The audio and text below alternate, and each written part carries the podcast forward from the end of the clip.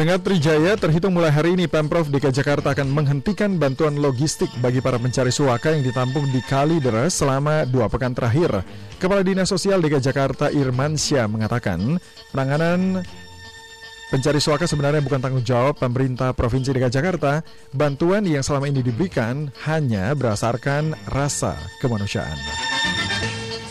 Kemendagri resmi melaporkan kasus jual beli data kependudukan di media sosial ke Bares Krim Polri. Pelaporan dilakukan karena ada oknum masyarakat mengakses data untuk kepentingan jahat. Dirjen Dukcapil Zudan Arif Fahrulo mengatakan, Kemendagri tidak melaporkan orang per orang, melainkan peristiwa jual belinya.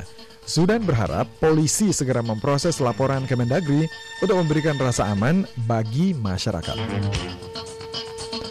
Anggota tim teknis kasus novel Baswedan yang dikepalai Bar Polri Komjen Idam Aziz terus bertambah.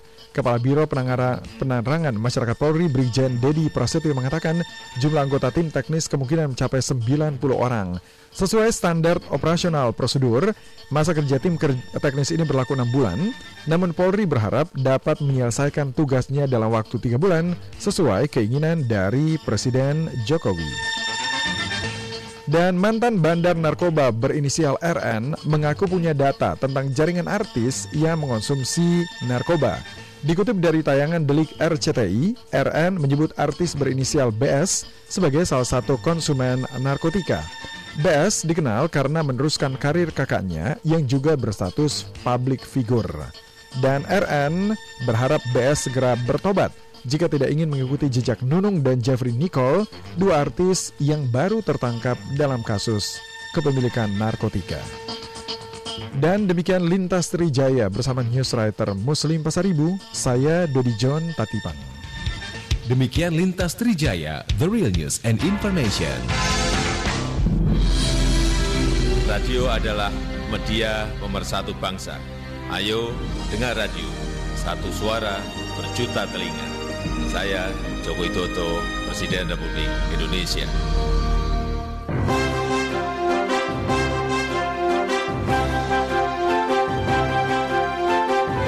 Trijaya Hot Topic Pagi.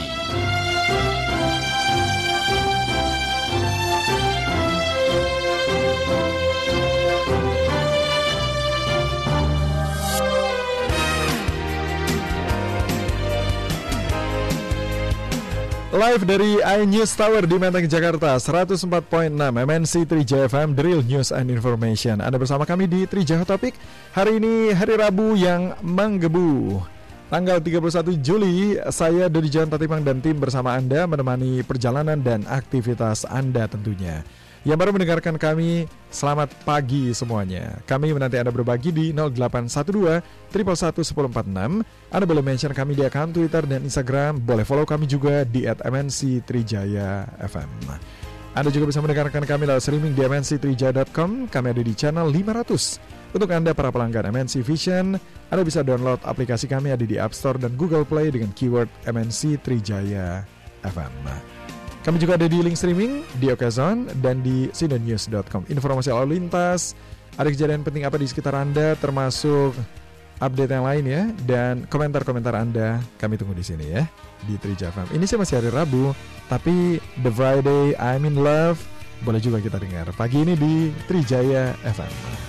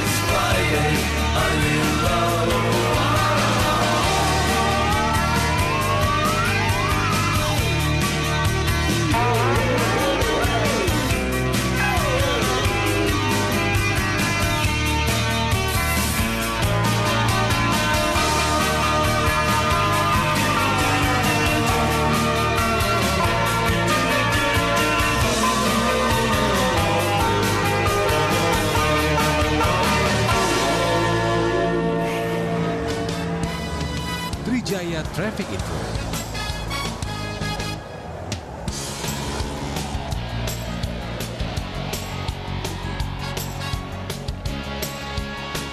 Kembali kami hadir ke informasi lalu lintas peringkat Trijaya dari beberapa ruas jalan di sekitar kawasan Permata Hijau.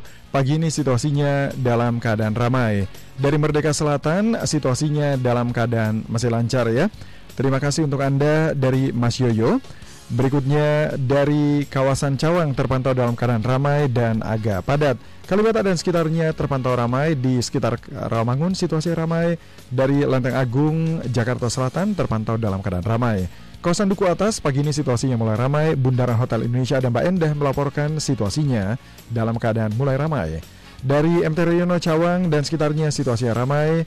Kampung Melayu dan sekitarnya juga terpantau dalam keadaan ramai. Kemudian informasi yang lain di sekitar Cawang Karatan Tanjung Priuk situasinya padat. Mungkin yang tadi penanganan kecelakaan udah selesai ya. Dari kawasan Pluit yang mengarah ke Ancol dan mengarah ke bandara, sejauh ini situasinya dalam keadaan ramai dan masih lancar. Yang mengarah ke Bandung lewat Purbalenyi saat ini masih lancar tapi beberapa titik di tol Japek ya situasinya masih padat. Dari Cikunir yang mengarah ke Tambun dalam keadaan macet, lanjut di Cikarang Barat, uh, Cikarang Timur menuju ke Karawang Barat. Sebaliknya dari Bekasi Barat ke arah Cikunir, lanjut di Halim Cawang juga terpantau situasinya masih dalam keadaan padat. Itu update lalu lintas kami di Trijaya FM.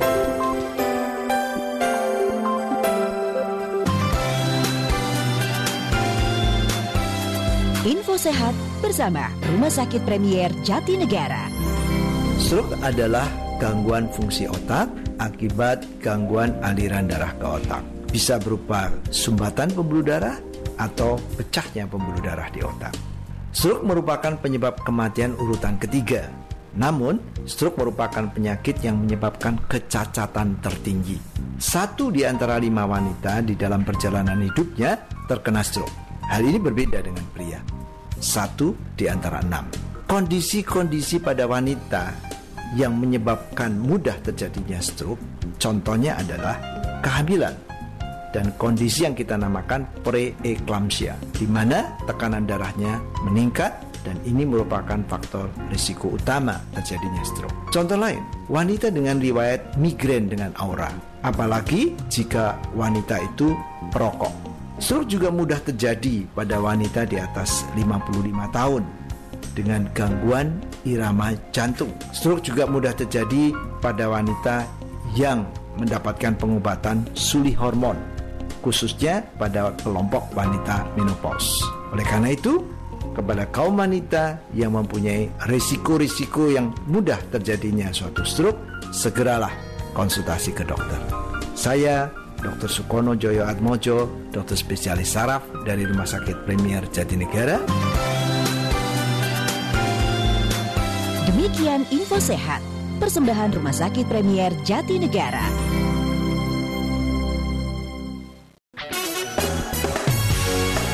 MNC Trijaya 104,6 FM Jakarta, The Real News and Information.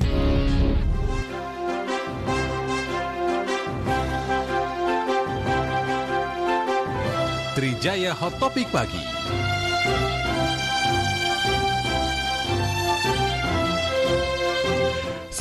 enam MNC Trijaya FM The Real News and Information Anda masih bersama kami di sini di Trijaya Hot Topic Dodi John Tatipang bersama Anda Ada produser Setio Nurianto dan ada Retnal Devika, ada juga Agus Musa di sini dan tim redaksi ada Muslim, ada Arif dan Raini Maria di sosial media. Pak Ferry, Pak Ferry uh, foto nih ada sebuah mobil nomor polisinya PA. Pak Ferry tanya, "Dot, ini plat daerah mana ya?" Saya udah cek di Google. Jadi PA itu uh, nomor kendaraan dari Papua. Nah, kalau dilihat dari belakangnya tuh Pak ya, kalau ini kan PA, belakangnya ada A gitu kan, ternyata itu dari kota Jayapura. Jadi di beberapa kabupaten itu dibedakan, semuanya sama PA, di belakangnya aja yang berbeda gitu kan. Saya kurang tahu persis, di Jakarta ada nggak? Kalau B, belakangnya U, utara, gitu ya, B, barat. Tahu saya, kalau nggak salah sih gitu ya. Pak Polisi mungkin ada koreksi. Pak Nasir Gibran, selamat pagi Pak Nasir. Ada Pak Gunawan yang tanya, Dot, artis BS itu siapa? Waduh, saya nggak tahu kalau itu ya. Ada Pak Kristanto Widodo yang bilang, Dot, apakah benar mengenai informasi Next Media akan tutup? Yap, pertanggal 1 September. Dan dengar-dengar sepanjang bulan Agustus besok, semua channel akan dibuka buat Anda para pelanggan ya. Karena pertanggal 1 September, dia akan tutup. Oke, kemudian Pengadilan Jaya hari ini, hari Rabu, persidangan kasus pembunuhan satu keluarga di Bekasi akan masuk di tahap akhir. Jadi terdakwa Haris Simamora bakal difonis majelis hakim di PN Bekasi hari ini. Sebelumnya, jaksa penuntut umum menuntut Haris Simamora dengan hukuman mati. Dalam persidangan 27 Mei yang lalu, JPU Faris Rahman bilang perbuatan terdakwa dilakukan secara sadis ya. Anda mungkin masih ingat ada empat orang yang kehilangan nyawa dan juga harta benda mereka. Dan lebih parahnya lagi, dua korban yang dibunuh itu anak-anak. Sarah dan Arya, 9 dan 7 tahun, yang masih masuk ponakan dari terdakwa. Peristiwa ini berawal pada Senin 12 November tahun lalu ya, ketika Haris diundang saudara jauhnya Maya Boru Ambarita untuk datang ke rumahnya.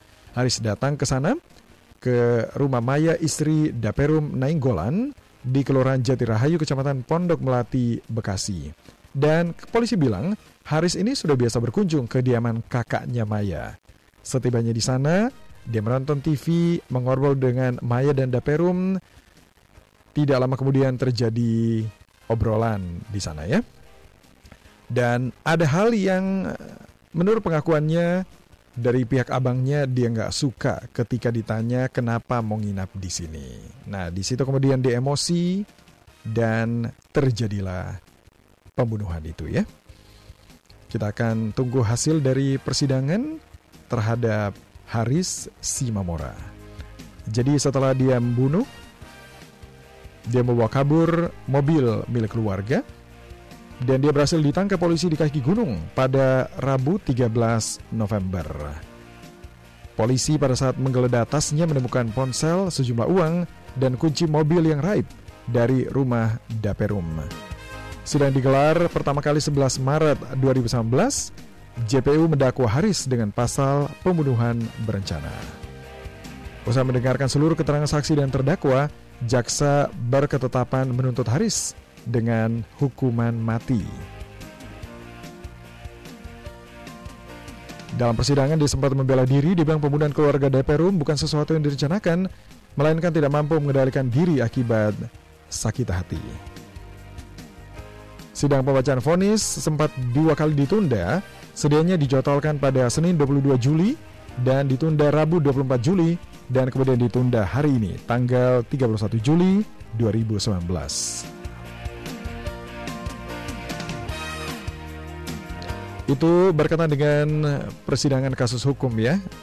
Kemudian, Pendengar Trijaya PT Kereta Api Indonesia dengar-dengar akan memberikan kemudahan bagi para penumpang lansia di atas 60 tahun dalam pengurangan harga tiket atau reduksi. Ini pesan yang beredar lewat WhatsApp disebutkan bahwa reduksi untuk lansia di atas 60 tahun dapat dilakukan tanpa harus datang ke loket mulai 1 Agustus besok. Apakah ini benar? Kepala Humas PT KAI Edi Kuswoyo membenarkan informasi itu. Edi bilang, pemesanan tiket mulai esok menggunakan sistem tiketing baru. Meski demikian, sistem ini mulai berlaku pertanggal 1 September. Adapun para penumpang yang berhak atas reduksi, tidak hanya kaum lansia, tapi juga anggota TNI, Polri, veteran, dan beberapa kriteria khusus. Jadi pendaftaran untuk fasilitas reduksi dilakukan di counter customer service paling lambat 3 jam sebelum keberangkatan. Adapun proses registrasi calon penumpang reduksi hanya sekali berlaku sekali ya, sampai berakhirnya masa reduksi itu. Jika masa berakhir, maka penumpang wajib melakukan registrasi ulang. Setelah proses registrasi selesai, penumpang lansia atau yang memiliki hak reduksi cukup menyebutkan nama, nomor ponsel, dan nomor identitas yang telah didaftarkan, beserta identitas asli yang masih berlaku dengan tanpa menyertakan fotokopiannya. Jadi, Edi bilang pemberian hak reduksi ini hanya dapat dilayani di loket stasiun saja. Sementara itu, tiket akan dianggap hangus dan penumpang tidak diperkenankan naik KA jika pada saat pemeriksaan penumpang tidak dapat menunjukkan identitas asli atas hak reduksi atau identitas yang sudah tidak berlaku. Itu soal sistem baru tiket reduksi yang mulai berlaku pada tanggal 1 Agustus besok. Tetap di sini di 3 FM, Drill News and Information.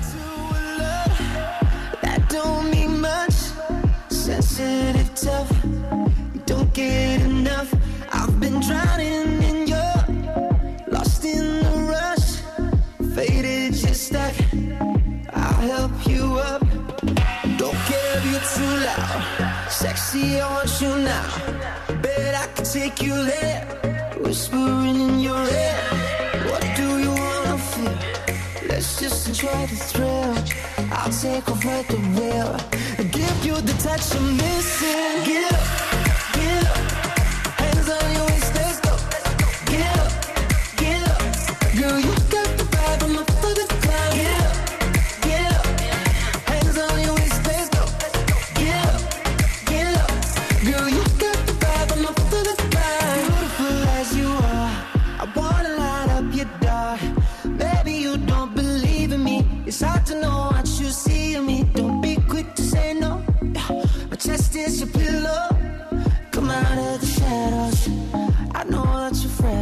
yeah.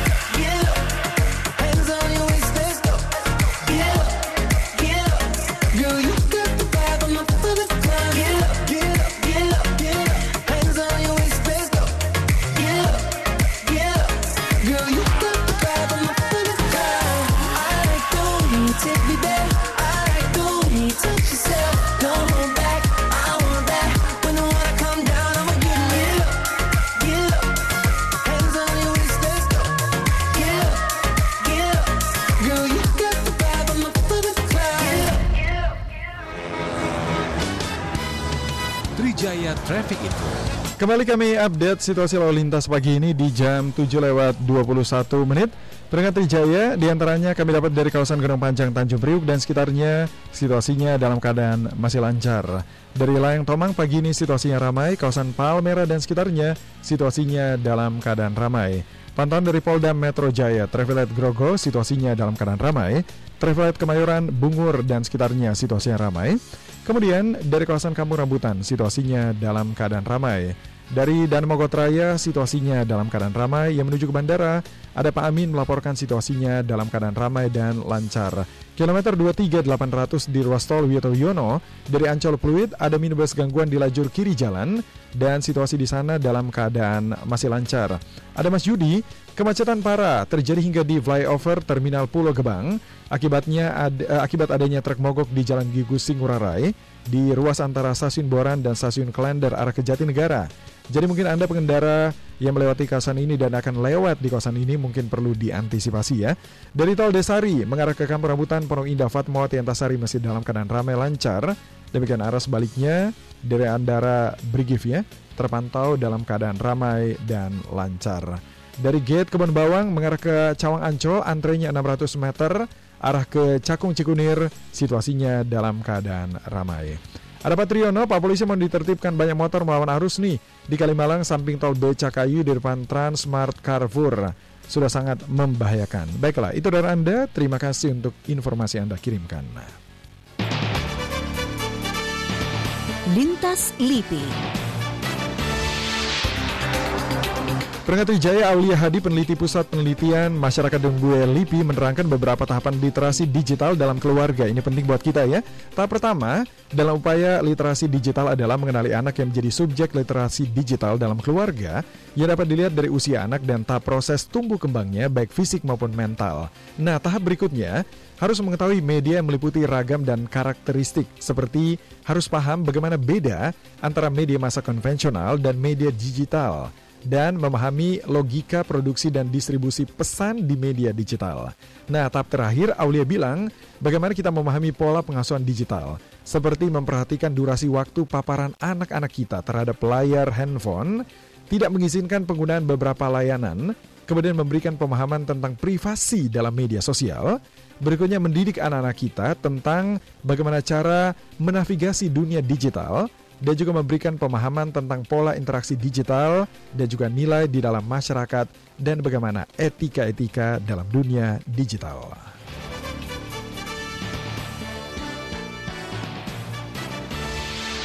Demikian Lintas Lipi dipersembahkan oleh Lembaga Ilmu Pengetahuan Indonesia. News Talk Live only on MNC Trijaya FM the real news and information.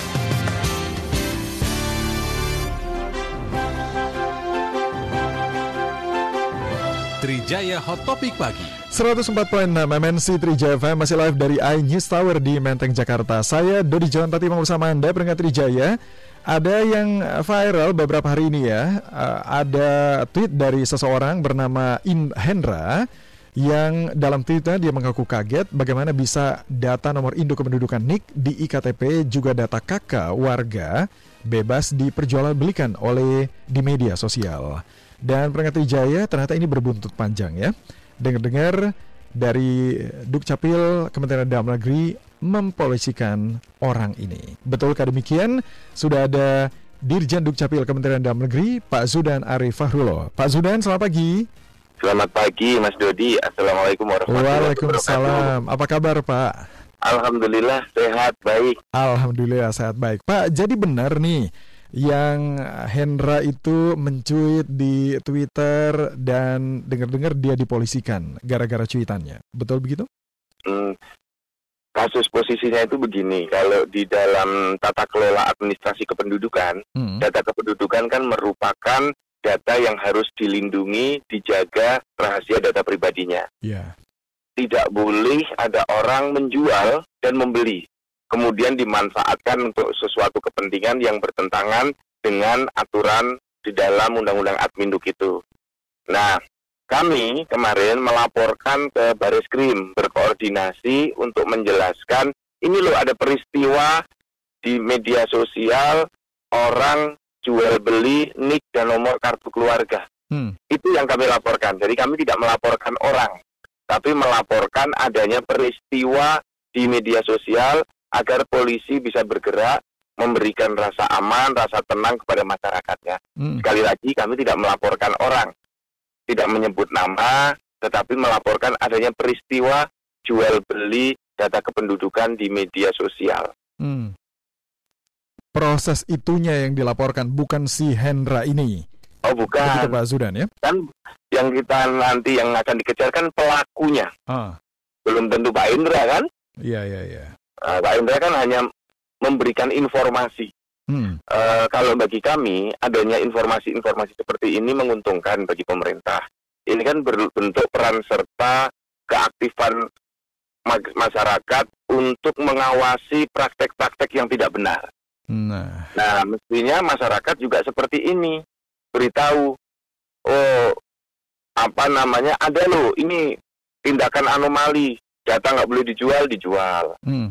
Nah, tapi akan lebih bagus lagi bila pemberi informasinya bisa langsung ke polsek terdekat, ke polres terdekat, Hmm. atau ke call centernya Dukcapil di 15500 537. Nanti Oh. kami akan menindaklanjuti.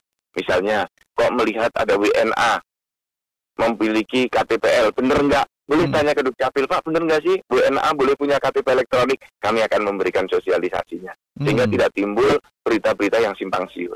Oke. Seperti itu, Mas Dodi. Pak, kalau kita kan sekarang udah era sosial media gitu kan, dengan cara Betul. misalnya kita tahu, oh ya, Kementerian Dalam Negeri ini account Twitter atau Instagramnya atau Facebooknya, polisi juga Iya. ini. Kalau kita mencuitnya sambil ngetek, misalnya instansi bapak gitu, ini eh, apa bisa diterima atau hanya melalui yang tadi 1.500 sekian sekian itu, Pak? Ya, bisa kami bisa menerima ini kan berawal dari saya diberitahu oleh teman, dikirim lewat WhatsApp, langsung Ah. kami bertindak. Ah, Sehingga ketika ada teman memberitahu, ini kan bentuk early warning system. ya. Sehingga kami melakukan dua hal. Satu, introspeksi internal. Melakukan audit ke dalam. Benar nggak nih data kami ada yang eh, terganggu? Hmm. Trafficnya, lognya, ya. Kita lihat kita eh, audit secara cepat. Oh ternyata aman. Alhamdulillah tidak ada gangguan di sistem, di aplikasi, di database maupun di data center. Hmm. Kemudian kami harus berkoordinasi keluar kepada lembaga-lembaga yang memiliki otoritas penegakan hukum. Maka kami berkoordinasi dengan polisi, berkoordinasi dengan Kominfo untuk men-take down eh, KTP gambar-gambar, foto-foto KTPL dan kartu keluarga yang bertebaran jutaan di media sosial. Hmm. Jadi Mas Dodi kalau kita googling ketik KK, ketik KTPL dalam waktu kurang dari satu detik itu keluar jutaan foto-foto, gambar-gambar yang berisi data-data kependudukan. Ini kan rawan disalahgunakan. Hmm. Nah, saya menghimbau kepada seluruh masyarakat, mengedukasi seluruh masyarakat dan juga pada diri saya sendiri untuk tidak mudah memberikan data kita kepada pihak lain, terutama di media sosial. Sekarang ini banyak sekali nik dan nomor KK di media sosial itu kan bisa disalahgunakan untuk pendaftaran kartu prabayar, Mas Dodi. Ah, ah. Nah, nanti bisa jadi kita nggak memiliki nomor handphone itu digunakan nik dan nomor kakak kita untuk daftar nomor handphone. Digunakan untuk hal-hal yang tidak benar. Ini kan bisa merugikan kita. Hmm. Jadi untuk mencegah semacam ini, eh, ketika misalnya kita diminta data, itu hanya offline-nya aja. Jangan kita mempostingnya Iya. Lewat. Nah, dan di dalam memberikan data itu, saran saya kita membuat konsen, Hmm. membuat perjanjian. Misalnya ya, ada fintech minta data, kita Hmm. harus ketat. Eh, fintech, kamu saya beri data karena saya bertransaksi dengan dirimu, tapi data saya hanya boleh untuk keperluan ini, tidak boleh untuk keperluan lain. Hmm. saat kita membuat polis asuransi, kita harus mengatakan seperti itu. Kita membuat konsen. Data yang saya berikan ke asuransi hanya boleh digunakan dalam rangka saya membuat polis asuransi ini. Sehingga tidak boleh digunakan untuk kepentingan yang lain. Hmm. Nah, hal-hal seperti ini perlu menjadi kebiasaan kita karena data kita adalah keamanan kita. Iya. Banyak sekali kasus-kasus di fintech yang sekarang beredar menjadi rentenir elektronik itu Heeh, teman-teman yang nggak pernah bertransaksi tiba-tiba datang tagihan. betul. Hmm. Nah ini tidak boleh terjadi lagi dan saatnya kita semua seluruh elemen warga masyarakat bergerak bersama lembaga-lembaga yang berwenang dalam penegakan hukum agar masyarakat tenang dan ini bisa dilakukan antisipasi dini. Hmm. Ada beberapa pendengar yang pagi ini langsung merespon Pak Zudan yang tanya, jadi benar nggak ada jual beli data kependudukan itu? Ya, ini kami sedang membuktikan. Ini kan baru ada peristiwa di media sosial. Hmm. Nah, kami melapor kepada polisi, berkoordinasi, nanti polisi lah yang bergerak untuk membuktikan benar atau tidak. Mudah-mudahan itu baru muncul di media, belum fakta yang sebenarnya terjadi. Hmm. Tapi andai itu sudah terjadi, polisi bisa melakukan eh, tindakan-tindakan uh, untuk menetapkan pelakunya menjadi tersangka, kemudian diproses dalam sistem peradilan pidana.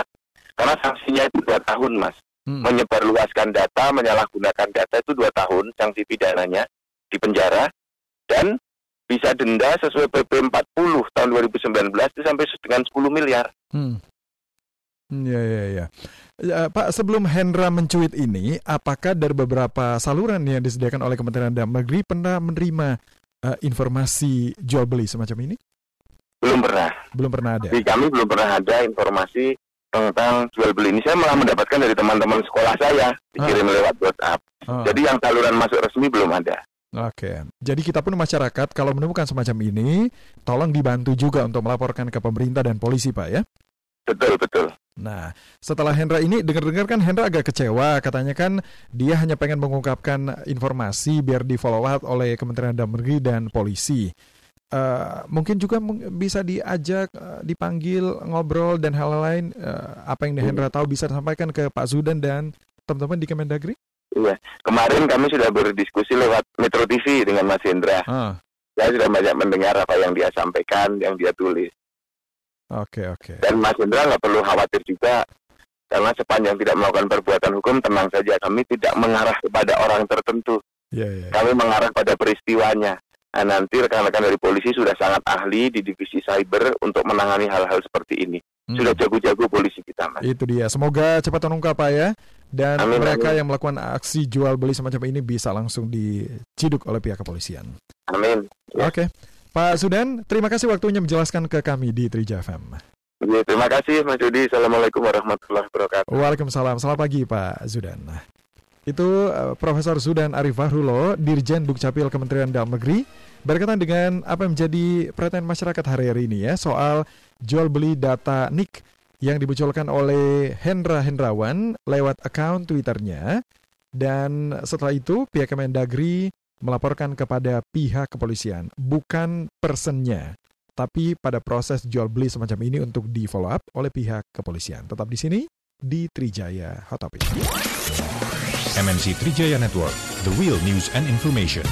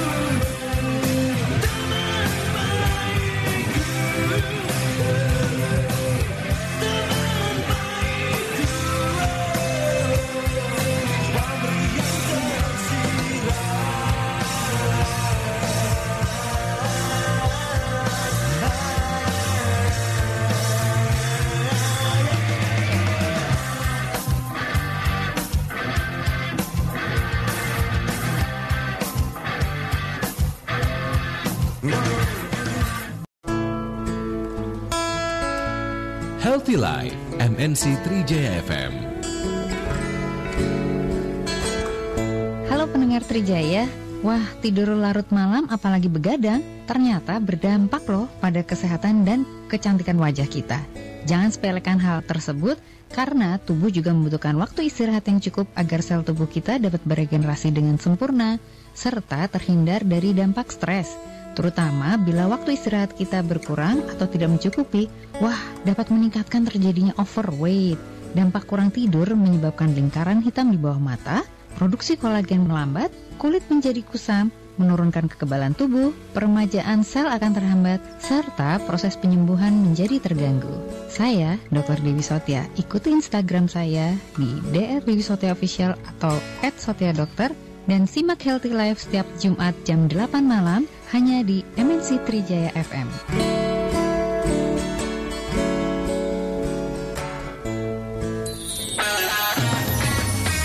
You're listening 104.6 MNC Trijaya FM Jakarta. Trijaya Traffic Info. Kembali kami update situasi lalu lintas dari beberapa ruas jalan pagi ini. Kami terima informasi dari 0858 85 sekian sekian ada Mas Fatul. Betul ya, Mas Fatul. Selamat pagi, Mas. Kenapa saya panggil Mas? Fotonya masih muda nih. Uh, cuaca cerah sekali, Lalin Jor, arah Kampera, Kampung Rambutan masih lancar, dot, Rukas dong, Erwin and September, sip, saya teruskan ke Kaita ya. Tapi kan besok masih Agustus mas, tunggu September gimana? Terus ada ini nih Pak Muslim, ada truk mogok di depan stasiun stasiun Klender baru, ini yang bikin macet di sana. Oke baiklah, terima kasih. Tadi ada 0882 11 sekian sekian ada Pak Iwan. Pak Iwan di mana nih Pak? Macet di mana titiknya? Boleh jalan Bapak Iwan? Uh, ini ada bentar-bentar. Ini ada audio voice-nya. Waduh, saya lagi pakai headset ini ya nggak bisa dengar. Kemudian informasi berikutnya dari Polda Metro Jaya. Dari kawasan Semanggi dan sekitarnya situasinya dalam keadaan ramai. Berikutnya dari Terminal Tanjung Priuk terpantau dalam keadaan ramai. Traffic Nias Kelapa Gading situasinya dalam keadaan ramai. Dari Gate Bambu Apus terpantau dalam keadaan ramai. Gate Kamal dan sekitarnya yang mengarah ke Bandara Soekarno-Hatta terpantau masih dalam keadaan ramai dan lancar. Tetap hati-hati di jalannya. Informasi yang lain dari kawasan Cakung situasinya dalam keadaan ramai. Kemudian dari kawasan Pulau Gebang juga terpantau dalam keadaan ramai. Tadi Pak Yabel kemacetan parah hingga di flyover terminal Pulau Gebang. Tadi ya, ada truk yang mogok di Igusti Ngurah Rai, ruas antara stasiun Buaran dan stasiun Klender. Ini yang tadi Pak Muslim bilang ada truk mogok warna hijau di depan stasiun Klender baru dan menyebabkan kemacetan di sana. Pak Yebel, terima kasih informasinya. Dan yang lain kita masih tunggu di sini ya di 0812 111 Mas Roni dari Kiai Haji Mas Mansur di depan City Walk Sudirman terpantau dalam keadaan padat yang ke arah Tanah Abang dan sekitarnya. Itu update lalu lintas kami di Trijaya FM. Bagi Anda yang ingin menjadi global player with local wisdom, mari kembangkan kompetensi dan skill Anda bersama Pasca Sarjana Unika Atmajaya. Memiliki 11 program magister, 2 program doktoral, dan 4 program profesi. Dimulai dari bisnis, psikologi, hukum, bahasa Inggris, bioteknologi, sampai teknik, materi pembelajaran ter-up to date dan aplikatif. Didukung akademisi dan praktisi profesional, serta networking internasional dan lingkungan pusat bisnis berlokasi strategis di tengah kota. Lengkap dengan program beasiswa, menjadikan Unika Atmajaya kampus terbaik pilihan Anda. Info pendaftaran hubungi 081 222 164 via WhatsApp atau registrasi online di admission.atmajaya.ac.id. Mari berkontribusi untuk membangun masyarakat dengan bergabung pada program Pasca Sarjana Unika Atmajaya. Unika Atmajaya, terpercaya kualitas lulusannya.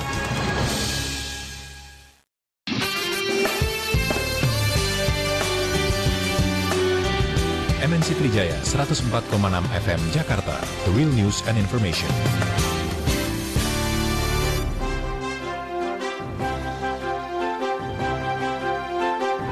Trijaya Hot Topic Pagi. 104.6 MNC Trijaya FM Drill News and Information. Kita masih di sini di Trijaya Hot Topic.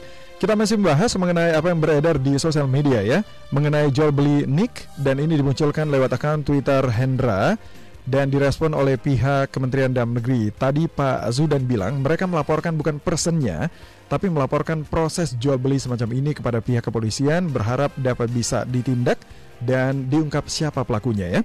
Ada beberapa tips tadi juga yang disampaikan oleh Pak Zudan, misalnya ketika kita daftar di eh, transaksi elektronik harus ada semacam perjanjian ya bahwa data yang kami berikan itu hanya untuk kepentingan transaksi, bukan hal yang lain. Dan kita punya hak untuk menuntutnya. Nah, berkata Wijaya, bagaimana Ombudsman menangani ini?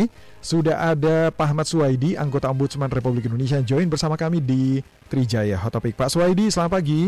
Selamat pagi. Dodi di sini apa kabar Pak? Trijaya. Ya baik-baik. Oke, okay. Pak Suwaidi, Ombudsman udah ya. mendengar mengenai apa yang di uh, viral jual beli data NIK, IKTP dan yang lain sejauh ini? Ya, jadi kami meskipun tidak ada laporan resmi artinya yang ter apa terregistrasi, uh, tetapi dap, dapat banyak keluhan ya tentang uh, mereka yang dirugikan. Hmm.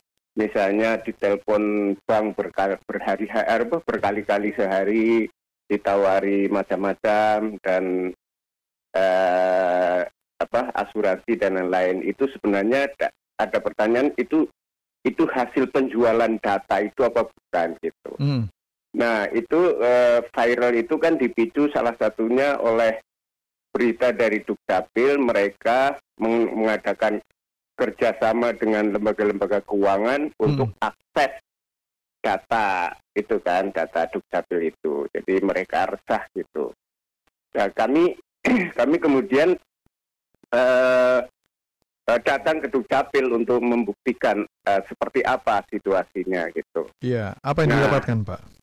Ya, jadi uh, menurut uh, temuan kami ada beda antara data yang dijual belikan hmm. dan itu dengan data yang ada di Dukcapil. Jadi hmm.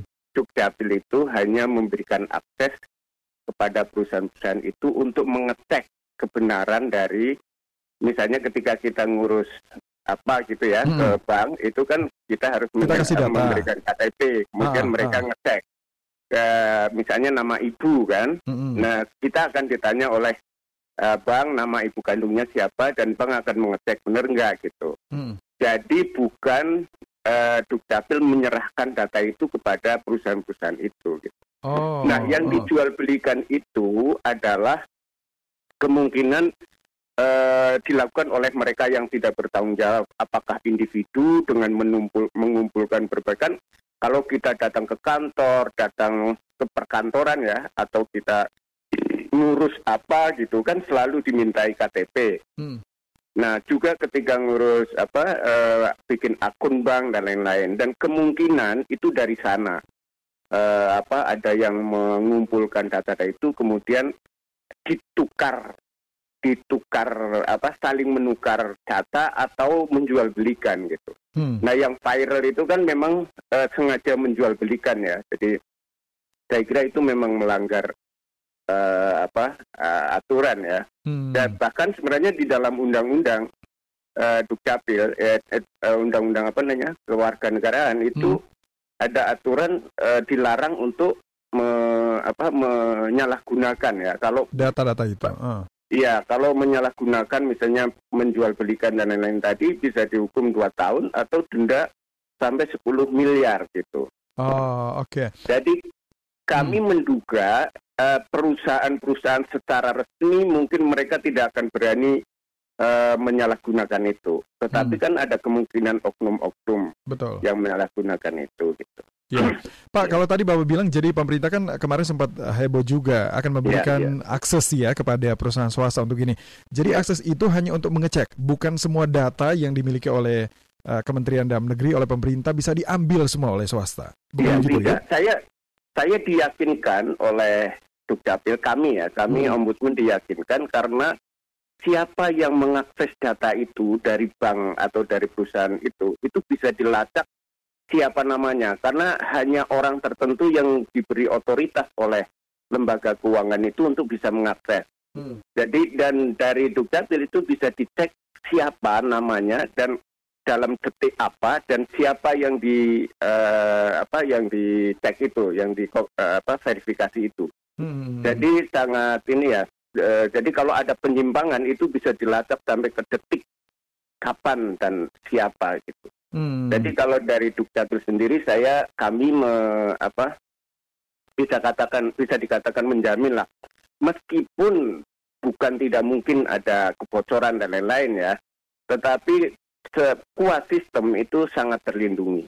Hmm. Nah, saya kira eh, apa penyalahgunaan sekarang ini ini adalah ranah polisi karena itu bersifat kriminal. Hmm. Menurut kami polisi harus segera bertindak untuk mengamankan ini. Negara dalam hal ini ya, negara harus hadir di masyarakat, hmm. melindungi mereka dari dari penyalahgunaan ini. Karena ini penyalahgunaan ini yang dirugikan bukan hanya orangnya atau atau uh, lembaganya, tetapi juga kepercayaan masyarakat terhadap lembaga keuangan. Hmm, hmm. Ini bagi kami sangat berbahaya karena karena dugaan orang kan uh, karena yang diberi hak akses itu adalah lembaga keuangan, maka ada apa penyalahgunaan, maka orang menduga lembaga keuangan inilah yang menyalahgunakan gitu. Jadi ini sangat berbahaya. Hmm. Yang kedua juga mer, apa, mengurangi me, apa, kepercayaan masyarakat terhadap lembaga negara, lembaga pemerintah seperti Dukcapil ini seolah-olah Dukcapil lah yang melanggar aturan. Hmm. Maka kami mendorong Dukcapil Pak Prof Sudan kemarin agar segera me, me, apa, melibatkan polisi untuk mengamankan ini karena ini bukan hanya kerugian individu tapi juga sistem sistem keuangan dan lain-lain. Hmm. Jadi eh, kemarin kementerian mengambil langkah ini melapor ke polisi bukan ke person yang uh, mencuit yeah. ini di media sosial. Ini adalah yeah. langkah yang tepat agar polisi membongkar semuanya. Iya, iya. Itu karena ini juga kami juga ikut mendorong ya. Jadi sebelumnya kami diskusi dengan Pak Judan juga agar ini segera melibatkan polisi dan polisi tidak perlu di ini ya, tidak perlu didorong-dorong. Ini sudah menjadi ranah mereka untuk melakukan itu. Hmm. Sama seperti kemarin-kemarin tentang apa uh, ujaran kebencian kan pertama-tama polisi ragu kan, hmm. tetapi kemudian masyarakat mendorong karena ini sudah mengganggu situasi politik, keamanan dan lain sebagainya. Nah setelah ber, mereka bertindak ya bisa dikendalikan lah kira-kira meskipun tidak bisa bersih sama sekali. Hmm. Ini juga sama, polisi jangan ragu untuk melakukan represi terhadap situasi ini karena ini kalau dibiarkan itu sangat berbahaya bagi situasi ekonomi politik dan lain sebagainya. Hmm. Nah, gara-gara berbahaya ini Pak, ada beberapa pendengar yang tanya, uh, kalau kita yeah. misalnya register ke hmm. aplikasi pembayaran online digital, itu kan hmm. biasa ada fotonya, ada KTP, itu termasuk hmm. kategori berbahaya. Dan kalau misalnya tadi ada kebocoran data, uh, bagaimana? Apakah ombudsman bisa membantu kita masyarakat melaporkan kejadian semacam bisa. ini? Bisa. Kalau misalnya ada ada apa ada dugaan pelanggaran itu silakan langsung saja tidak perlu datang ke uh, pengaduan at ombudsman.go.id. Uh. Uh, itu email ya. Kalau uh apa namanya uh, pengaduan, WA, pengaduan. WA uh, ya pengaduan at uh ombudsman.go.id. Uh, kalau peng, kalau uh, WA itu 0821 uh. tiga tiga tujuh empat kali tiga tujuh tiga tujuh tiga tujuh tiga tujuh oh tiga tujuh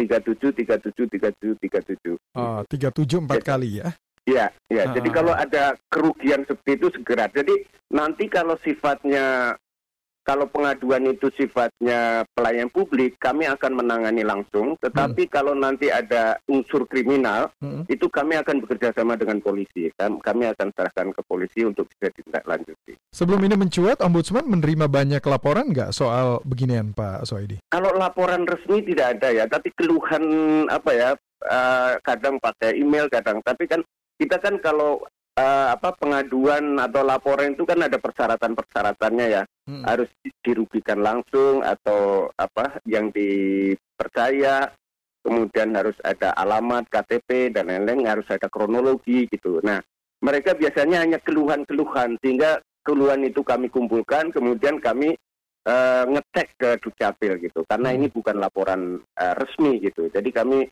uh, lebih membawa keresahan masyarakat untuk di ini ya dicek apa kebenarannya gitu. Hmm. Nah kami juga mengimbau kepada Dukcapil dan Kominfo agar uh, dilakukan apa uh, edukasi kepada masyarakat tentang penggunaan uh, data pribadi ini. Jangan sampai data pribadi di disebar-sebar ya. Kadang-kadang oh, orang dengan tidak sadar memotret KTP di betul sebar ke medsos. Iya dan kadang-kadang orang ini yang viral itu kan uh, orang diminta apa foto uh, selfie wajah dan KTP. Uh. Ini sebenarnya permintaan yang tidak wajar. Kalau masyarakat ter, uh, teredukasi tentang ini, mereka tidak akan mau. Hmm. Tapi karena mereka nggak mengerti, seolah-olah ini akan menguntungkan dia gitu. Hmm. Jadi di, di satu pihak masyarakat juga tidak perlu takut bahwa misalnya berhubungan dengan bank, dengan uh, apa lembaga keuangan atau dengan pemerintah harus ada uh, bukti uh, apa KTP dan lain-lain itu juga tidak perlu takut. Mm-hmm. Tetapi kalau ada permintaan berlebihan, misalnya yeah. harus ada selfie, itu harus hati-hati. Gitu.